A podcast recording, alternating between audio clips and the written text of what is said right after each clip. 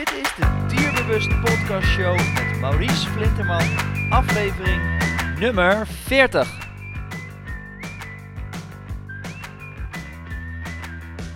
Welkom bij de Dierbewust Podcast Show, waarin je luistert naar experts die je voorzien van de beste informatie, tips en tricks op het gebied van honden.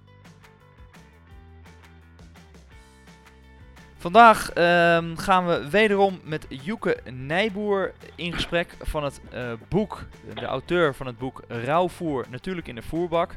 Waarin Joeke schrijft over de zin en de onzin eh, van eh, vleesvoeding voor hond en kat. En nou ja, allereerst natuurlijk welkom Joeke. Goedemorgen, Maurice. Goedemorgen. Inderdaad ook welkom. We gaan vandaag inzoomen op hoofdstuk 3. En dat gaat met name ja, over meerdere dingen, maar meneer, met name over de energiebehoeften van, van een hond en een kat. En wat moet er nou precies in voeding zitten? Wat zijn nou de essentiële voedingsstoffen die, die een hond moet binnenkrijgen? Best wel een lastig onderwerp, omdat het voor veel hondenliefhebbers willen natuurlijk praktische tips. En ik hoop die ook in deze podcast te gaan geven samen met jou. Want het is best wel een uitdaging om een goede en complete voeding te vinden, die natuurlijk voldoet aan de eisen voor een volwaardige voeding. En er zijn natuurlijk heel veel verhalen over en veel is er op internet over te lezen. En niet altijd is alles helemaal 100% kloppend. En daarom ben jij ook eigenlijk begonnen met het, het schrijven van het boek om ja, gewoon meer inzicht te geven. Want veel fabrikanten die claimen dat hun voeding natuurlijk compleet is. Door bijvoorbeeld, zeker met vers vlees, bepaalde voedingssoorten af te wisselen. Maar ja, dat is natuurlijk altijd de vraag hè, of het dan ook wel daadwerkelijk compleet is. Want dat is niet altijd op nou ja, onderbouwing gebaseerd. Um, en daardoor kan je hond natuurlijk uiteindelijk tekorten oplopen. Wat je natuurlijk als hondenliefhebber natuurlijk altijd wil voorkomen. hoe zie jij dat, Joeke? met betrekking tot complete voeding en ja, hoe, hoe, kun je nou zorgen dat je daarin de juiste voeding selecteert? Nou, ik denk dat complete voeding eigenlijk moet voldoen aan de normen die gesteld zijn door de VDIAF. VDIAF is een Europese organisatie van deskundigen mensen die verstand hebben van hondenvoeding, zowel droogvoeders als van natte voeders, dus waar vleesvoeders dat bij horen. En de informatie van die groep deskundigen staat op de website, heet vdiaf.org de mensen die 20, 25 belangrijke mensen op het dier, op het hondenvoedingsgebied, die komen één keer per jaar bij elkaar en kijken of de normen moeten worden aangepast. Dus eigenlijk alle hondenvoeding moet minimaal voldoen aan de norm die staat in de VDIAF-richtlijn. Dat is dus het uitgangspunt wat voor mij betreft is voor belangrijk voor de hondenvoeding. En dan kun je natuurlijk het verhaal aanhalen van, aanhalen van ja, leuk. Uh, wat is nou compleet ondervoer? Dat moet dus voldoen aan die norm. Maar wat jij pas ook al zei, van sommige fabrikanten zeggen ook van, ja, als je dus een aantal van vleesvoeders afwisselt met vooral volledige uh, dingen die vleesvoeders die erin zitten, dan heb je ook compleet voer. Ik heb daar grote betwijfels tegen. Als ze het willen doen, dan vind ik ook persoonlijk ook dat ze dan ook bepaald ook een rekenmodel uh, bij moeten doen. Om te laten zien als dat voeder dan met volledige afwisseling voldoet aan de VDIAF-norm. Tuurlijk, als je dus een regelmatige zaak afwisselt, dan zul je wel goed in de buurt komen van de VDIAF-norm. Maar dan moet je wel eventjes overleggen. Anders uh, staat het voor mij niet 100% vast. En Joeke, even voor mijn beeldvorming, um, want die uh, VDIAF-norm, uh, sta, staat er dan zeg maar een label bijvoorbeeld op, het, uh, op de voeding als die daaraan voldoet? Of hoe kun je controleren dat die VDIAF ge gecontroleerd of aan de richtlijnen van de VDIAF voldoet? Wettelijk gezien moet op een de, label van de, het product wat gevoerd wordt aan honden, staat of compleet voer is. Als het staat als compleet voer is, dan voldoet het aan de VDIAF-norm. En als het niet voldoet aan de VDIAF-norm, uh, dan mag het geen compleet voer genoemd worden. Dan is het een aanvullend voer. Maar veel mensen, fabrikanten zeggen van als je verschillende aanvullende voeders voert, heb je waarschijnlijk wel een, een uh, redelijk compleet achtige voeding voor een hond. Maar ze mogen nog steeds geen complete voeding noemen. Dus je kunt er eigenlijk vanuit gaan op het moment dat er compleet op de uh, voerzak staat, dat het dus de richtlijnen van de VDIAF uh, is aangehouden en daaraan voldoet, zeg maar. Ja, dat klopt. En meestal wat ze dan doen is dat een, zo'n product, zo'n worst, bijvoorbeeld hondenworst, die bestaat uit allerlei verschillende componenten. Dus. En daar is vaak een vitamine en mineralen supplement aan toegevoegd. En dat totaaltijd met de ingrediënten bij, wat meestal bestaat uit eiwitten, vetten en, en vezels, uh, met die vitamines en mineralen toegevoegd, is een compleet voer. En dat is dus een, ja, dat voldoet dus aan de VDAF-richtlijnen. Ja, er is natuurlijk een discussie gaande op internet van uh, als er toevoegingen aan zijn toegevoegd, dan uh, ja, kan dat ook weer, uh, dan is het niet helemaal natuurlijk. en we zijn juist op zoek naar die natuur weer helemaal terug te hervinden en te zorgen dat jouw hond natuurlijk voeding krijgt, zodat hij zo dicht mogelijk bij de natuur ligt. Nou ja, als je een wolf natuurlijk in de natuur zit, heeft hij ook niet toegevoegde vitamines en mineralen. Dus daar zijn wat mensen die daarover vallen. Wat is jouw ervaring van toegevoegde vitamines en mineralen? qua, qua voor- en nadelen? Nou, als je compleet uh, vitamine- en mineralenmengsel hebt van een goede fabrikant, dus ik ga geen producten noemen, maar een goede fabrikant, dan is het compleet voer. En als je kijkt naar een compleet voer, dat bestaat dus uit de, uh, wat dus de discussie leidt van voor complete prooien, bijvoorbeeld ratten, muizen, konijnen en kippen, misschien dat soort dingen. Als je dat bij kan gooien, dan zou je compleet moeten zijn en dat bevat alle vitamines en mineralen, heb ik met vraagtekens bij. Want je weet niet waar die dieren vandaan komen en hoe die dieren gevoerd worden. En hoe die dieren gevoerd worden, heeft natuurlijk direct ook effect op de samenstelling van de diersoorten zelf. En dat is niet alleen met het percentage eiwitten en vetten te maken, maar ook met de vitamines en mineralen te, te maken natuurlijk. Ik kan het wel begrijpen als je dus een uh, um, kip, wat bijvoorbeeld in een hondenworst zit, niet voldoende kalk geeft, dan krijg je een, een kip met een calciumdeficiëntie. En als je kip met calciumdeficiëntie in een hondenvoer zet bijvoorbeeld, en um, kan dat leiden, als je niet de voldoende kalk toevoegt, tot een calciumdeficiëntie, calciumtekort in het totale hondenvoer natuurlijk. Dus ik ben er op zichzelf niet voor om te noemen dat als je complete voeders voert, dat je dan direct voldoet aan alle vitamines en mineralen. Als jij niet voldoende goede analyse hebt gehad en dat berekend hebt, als het voldoet aan de richtlijnen van de VDAF, dan betekent dus dat je niet hebt mij kunnen overtuigen dat je voldoende goed voer hebt. En als je dan kijkt op de markt, want uh, zijn er, zonder dat je namen noemt, op de markt, uh, als je kijkt naar vers vlees, dan uh, merken die zonder toevoegingen kunnen aantonen dat ze compleet zijn door zo'n analyse? Nee, ik heb het nooit gezien. Dus dat is blijkbaar. Maar het kan best aanwezig, best aanwezig zijn. Dus als mensen ooit eens zo'n soort voer hebben, en zijn bepaalde fabrikanten die het hebben, prima. Ik, ik zie het graag verschijnen. En uh, dan wil ik wel eens eventjes mijn berekeningen toepassen. Ja, helder. Dus dat is een belangrijke. Dus uh, eigenlijk is, is om dat zeg maar, om te zorgen dat er dus tekorten, uh, of ervoor zorgen dat er geen tekorten ontstaan bij hond, zorg in ieder geval dat het dus compleet benoemd is op de verpakking.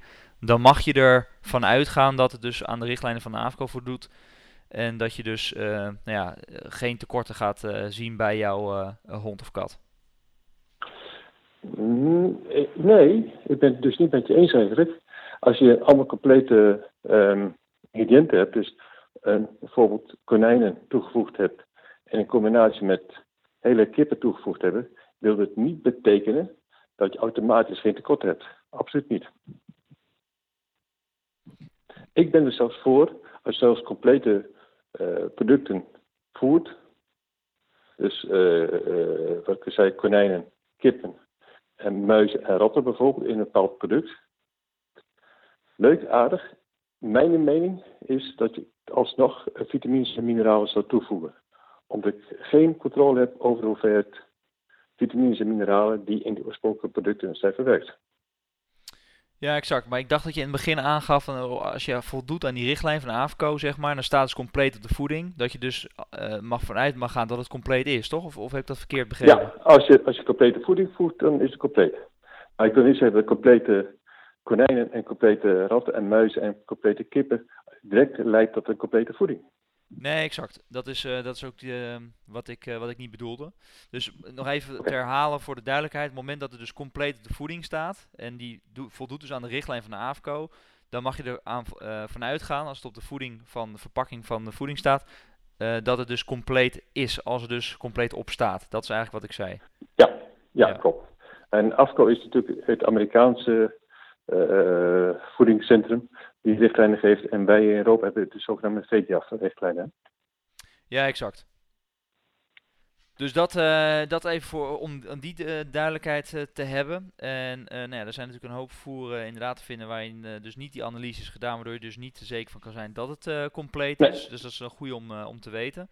Um, maar de laatste tijd, zeker als je naar hondenbrokken kijkt, is er ook een, of de afgelopen periode is een fabrikant geweest die is aangeklaagd omdat er bijvoorbeeld zware metalen in de, de voeding zit. Zoals kwik, lood. Um, en dat zat dan in de voeding verwerkt. En ja, dat maakt ook heel veel hondenliefhebbers ongerust. En eh, ik zou het zeker ook niet op prijs stellen als ik dat mijn eigen hond zou voeren.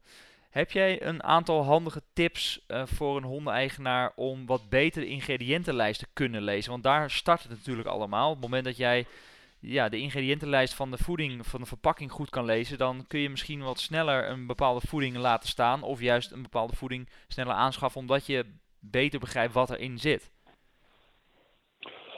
Zeker. Ik uh, zal een aantal voorbeelden noemen van wat op een voedingslabel kan staan.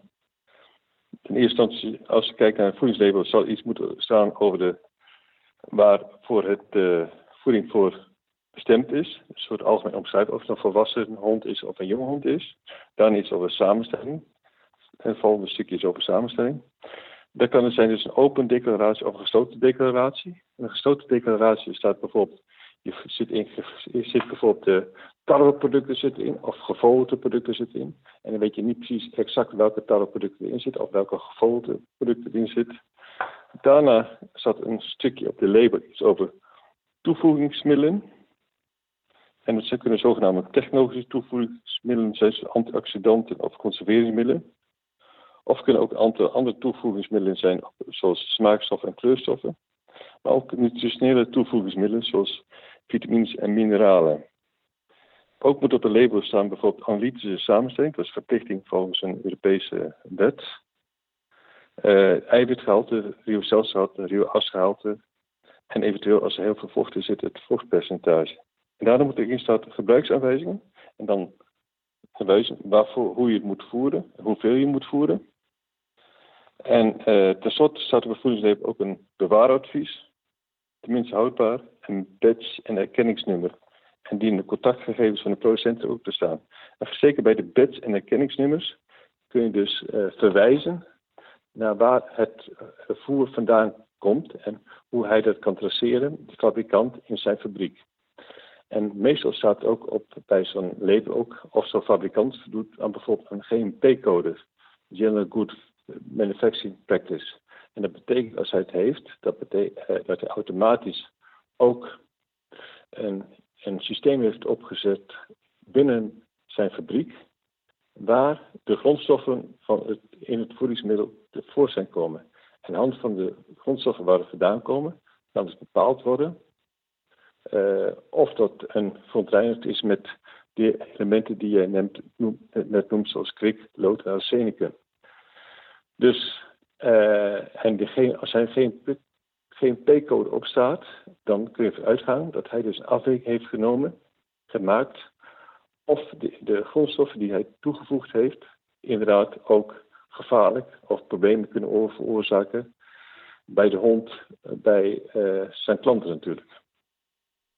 Ja, precies, want dit is een. Uh, ja, dit, dit was een voedingsmerk wat vrij goed staat aangeschreven. En dan denk je van joh, dat zal er misschien wel voldoen. Um, en misschien voldeed hij ook wel aan, de, aan die stempel, dat weet ik niet. Uh, daar heb ik niet op, uh, op gelet. Maar uh, dan kun je er in ieder geval, als er zo'n stempel op staat, dan, dan wordt er in ieder geval iets van controle uitgevoerd. Ja, op, de, op dat, kan altijd iets fout gaan hoor. Altijd iets fout gaan.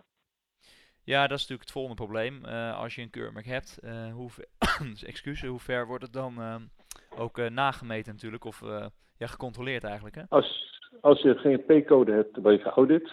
Eén keer zoveel jaar wordt geaudit. Was alles, een audit is een onafhankelijk iemand, een organisatie, die let op de codes en kijkt hoe dat verwerkt is in het bedrijf zelf. Dat niet een bepaald bedrijf zelf doet, maar dus onafhankelijk iemand. En die zegt ja of nee, dit is goed, dat is wel goed en dat soort zaken meer.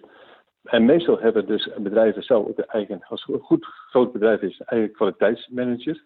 En die moet ook letten op de kwaliteit. Niet alleen van het product wat gemaakt, maar ook hoe het product waar de grondstoffen vandaan komen. Dus als een goed bedrijf is, heeft een kwaliteitsmanager. Is aangesloten bij GMP. En bij GMP-code wordt regelmatig geaudit. Om te kijken of iemand die code mag behouden. Ja, exact. En dan gaf je net al even aan ook van um, als je dus naar je en de product kijkt, hè, wat je dus aanschaft als hondenliefhebber, om het even wat, wat simpeler te houden, want uh, ja, mensen willen toch wat hands-on tips. Dus open of gesloten declaratie. En dat wil dus eigenlijk zeggen, joh, wat staat er nou eigenlijk vermeld tot de verpakking en tot hoe diep, zeg maar, vertellen zij uh, wat er is, ja. is, in is verwerkt. En jouw voor, um, voorkeur heeft dus een opene declaratie, waardoor je zeg maar eigenlijk ziet van oké, van kip zitten dus uh, kippen uh, dijbeen in, uh, kippenhart. En daarbij het, daarbij het percentage wat, wat in zit. Hè? Precies. Dus, dus eigenlijk per diersoort wordt eigenlijk heel goed aangegeven wat er qua verhouding in zit qua orgaan, spiervlees, um, et cetera. Dus, en, en bot natuurlijk, dat is ook een belangrijke. Um, ja. Dus dat, dat heeft eigenlijk je voorkeur, hè? De, de, opene declaratie. En dat wil eigenlijk zeggen dat er zoveel mogelijk gedetailleerde informatie in staat wat erin zit. En dat ja. wil eigenlijk dus gewoon iedereen. Alleen het probleem is dat heel veel voerzakken of uh, verpakkingen uh, van uh, voeding ja, dit zo technisch en ingewikkeld maken, waardoor je het gewoon heel lastig kunt lezen. Uh, als, als, ja. omdat je er gewoon weinig verstand van hebt. En ja, hoe kun je dan zelf bepalen of het, uh, of het zeg maar, uh, voldoet aan wat erin moet, moet zitten. Dus dat zijn eigenlijk de tips die jij hebt voor de mensen. dus met name open declaratie en dat er dus alle toevoegingen zeg maar, op de verpakking staan. Of de smaak en geur, kleur, stoffen en dat soort conserveringsmiddelen in zeker, zitten. Zeker. Um, ja, ik heb dat is een heel belangrijke zaak. En die moeten mijn inziens en bij een goede fabrikant ook altijd op de verpakking staan. Alleen dat is natuurlijk voor hem ook ja, uh, ja eigenlijk het geheim van de smid natuurlijk. Hè? Ja, waar precies. hij zijn producten vandaan komt en het kennis ken laten maakt als concurrenten van hallo, uh, dit en dit staat op mijn uh, ingrediëntenlijstje en dan kun je het makkelijk namaken.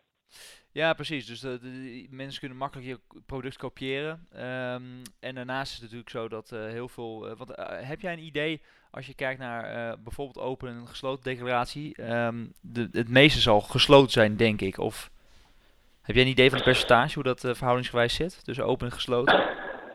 Nee, ik heb geen idee. Nee, ik zeg nee. ik denk, maar als je een hele open declaratie is, natuurlijk krijg je een weerwaar van getallen en cijfers. En ik denk ook vaak de consumenten daar niet op zitten wachten. Die zeggen, goh, denk, hij raakt verdwaald in al die cijfers natuurlijk. Dat is een heel groot probleem.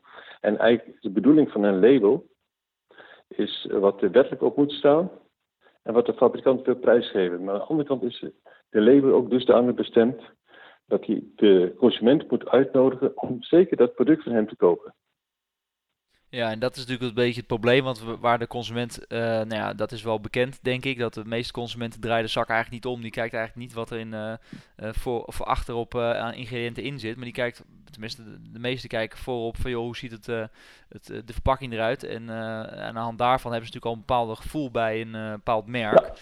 Maar ik denk wel dat steeds meer hondenliefhebbers de verpakking aan het omdraaien zijn om te kijken van joh, zit er nou in wat er wordt gezegd en ja, hoe kan ik die hocus pocus taal nou zo uh, omdraait dat ik het wel kan interpreteren. Want dan is het inderdaad, hoe meer erop staat, ja, des te meer informatie je krijgt. En dat is natuurlijk ook het probleem een beetje geweest in het verleden, denk ik. Als je kijkt naar hondenbrokzakken, dat er gewoon ja, heel veel uh, op staat, waardoor het gewoon niet begrijpelijk is. En waardoor niemand het begrijpt. En waardoor ja, het eigenlijk nog steeds een grote uh, ja, doolhof blijft eigenlijk. Ja, dat klopt. En ik denk als je een goede hondenliefhebber bent, dan moet je zeker verdiepen in eigenlijk de voeding van de honden. En, en, om daar meer van te begrijpen. Dus je moet je informeren vier websites. Maar je zou dus ook inderdaad uh, een boek kunnen kopen, wat ik dus inderdaad op de markt heb gemaakt over rouwvoervoeding. En dan krijg je ook een aantal basisprincipes over de voeding in. Uh, er staan basisprincipes over de voeding in, zodat je dus beter kunt begrijpen. Wat zie je nou op zo'n hondenvoer zak staan. Ja, precies. Want dat, dat, dat is eigenlijk de basis. Hè? En alleen, uh, ja, niet elke hondenliefhebber heeft de tijd en de zin om dat helemaal door te spitten. Maar als mensen de tijd en de zin er wel voor hebben, dan heb je natuurlijk een heel uh, ja, hands-on boek geschreven, met name over rouwvoeding. Waar je dus uh, na naartoe kunt om te bekijken van, joh, als je kijkt naar bijvoorbeeld de energiebehoeften van een hond. wat er dus in hoofdstuk 3 onder andere wordt besproken. Van, ja, wat, wat moet er nou eigenlijk precies in staan om te zorgen dat die hond of kat van jou de essentiële voedingsstoffen binnenkrijgt? Ja, de energiebehoefte van een hond is uh, een vrij ingewikkeld probleem. Uh, maar ik zal proberen het ook vrij eenvoudig uit te leggen eigenlijk. De energie is natuurlijk hoeveelheid calorieën, dat weet iedereen wel. Wordt uitgedrukt in kilocalorieën of tegenwoordig ook kilojoules. Uh, en die energie, wat voor energie heeft een hond nodig? Een hond heeft energie nodig voor zijn normaal onderhoud, om zijn alle lichaamsfuncties te kunnen voltooien. Dus ademhalen, uh, lichaamsprocessen op gang houden, zoals zijn hart, zijn nieren en dat soort zaken meer. Dat noemt men metabolische energie. Heel moeilijk woord, maar een soort basisenergie. Ja, wat heb je aan die basisenergie? Dat is natuurlijk voor zijn uh, normale doen en laten van die hond. Maar hoeveel energie heeft werkelijk no nodig? En daar is een bepaalde factor voor aangewezen. Meestal is voor volwassen hond bijvoorbeeld factor 2. Dus een volwassen hond heeft die hoeveelheid energie nodig, metabolische energie nodig, keer twee, om de dagelijkse behoeften van zijn energie te voldoen eigenlijk. En waar heeft hij die andere hoeveelheid energie naast zijn uh, basisenergie voor nodig? Dat bijvoorbeeld om uh, te lopen, te rennen en dat soort dingen te doen. Dat is de totale hoeveelheid energie die hij nodig heeft. En um, even kijken. Dat is de totale energie die nodig heeft. En als hij meer krijgt dan hij nodig heeft dan die energie voor zijn dagelijkse behoeften van zijn lichaam, en om, te rennen bijvoorbeeld, dat wordt dan opgeslagen in het lichaam als reserve-energie. En dat zie je meestal tevoorschijn komen in de vorm van vet van het lichaam. En als je te veel hebt, dan kijk je op deze tas de dikke hond. En dat wil je dus ook niet hebben. Ja, precies. Dus uh, het is uh, goed afwegen en ook, ja, ik zeg altijd met name op het, op het oog voeren. En daar ga je in een later hoofdstuk ook in uh, ja, hoe een hond dan zeg maar eruit zou moeten zien. Of hij te dik of te dun is. Want sommige hondenliefhebbers hebben soms niet door dat een hond te, te dun of te dik is. Uh, dan heb je mooie afbeeldingen eh, heb je daarvoor. Maar dat heeft dus allemaal te maken met de energiebehoeften. Of die genoeg energie krijgt en of het voer past bij nou ja, zijn energiebehoeften. Want als je natuurlijk uh, veel sport met je hond of veel dingen doet, heel actief bent. En een hele actieve hond hebt, veel zwemt bijvoorbeeld. Dan zou je natuurlijk meer energie moeten geven dan een hond die wat ouder is en wat veel, veel thuis op de bank ligt, bij wijze van. Ja, je kunt het allemaal theoretisch berekenen. Dus wat ik net zo'n beetje heb proberen uit te leggen. Tussen metabolische energie keer een bepaalde factor tot een bepaalde hoeveelheid die nodig heeft. Je kunt dus inderdaad uh, ook op het oog gaan schatten, uh, gaan doen. Door te kijken of inderdaad een hond te dik is of dik wordt uh, in de praktijk. En je moet vaak meestal, een, wat ik het meestal doe, is een, eerst een theoretische berekening maken van hoeveel energie heeft een hond nodig. En als ik dat gedaan heb, dan voer ik een aantal dagen een hond. En ik kijk na twee, drie weken of je hoe zijn hond erop doet, hoe de hond erop doet. En of hij dikker geworden is of dunner geworden is. En hoe, hoe hij doet op het nieuwe voer. En of geen last heeft van diarree en alles wat erbij komt natuurlijk. En deze combinatie met, met op uh, theoretische berekening en op het oog kijken en vooral naar lichaamsconditie. Dat is denk ik de basis van het goede van een goede hond eigenlijk. Ja, die theoretische berekening zou je dan in principe kunnen laten vallen op het moment dat natuurlijk zo'n uh, dat staat aangegeven op de voeding van de, van de hond. Uh, of, of kat. Daar staat natuurlijk altijd de energiebehoefte aangegeven per uh, ja, dat gewicht van de hond, zeg maar, wat de hond dan nodig heeft. En dan kun je inderdaad gewoon per dag kijken van, hoe doet mijn hond erop. Ja, dan kunnen, kan er wel op het blik staan van, deze hond heeft maar een kilo per dag nodig. Maar als jouw hond dan best wel afvalt, dan, ja, dan moet je gewoon wat bij gaan voeren. Dus dat is natuurlijk niet helemaal universeel. Dat is natuurlijk per hond een beetje verschillend.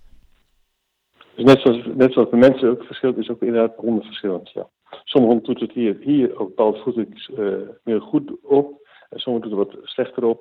En sommige door sommige producten uh, voeding, hondenvoeding dikker. En sommige honden komen niet aan een bepaald product. daar moet je even goed mee rekening houden. En dat is ook belangrijk dat de hondeneigenaar dat in de gaten heeft. En een beetje mee gaat spelen met ten opzichte van de voeding van zijn hond natuurlijk. Ja, precies.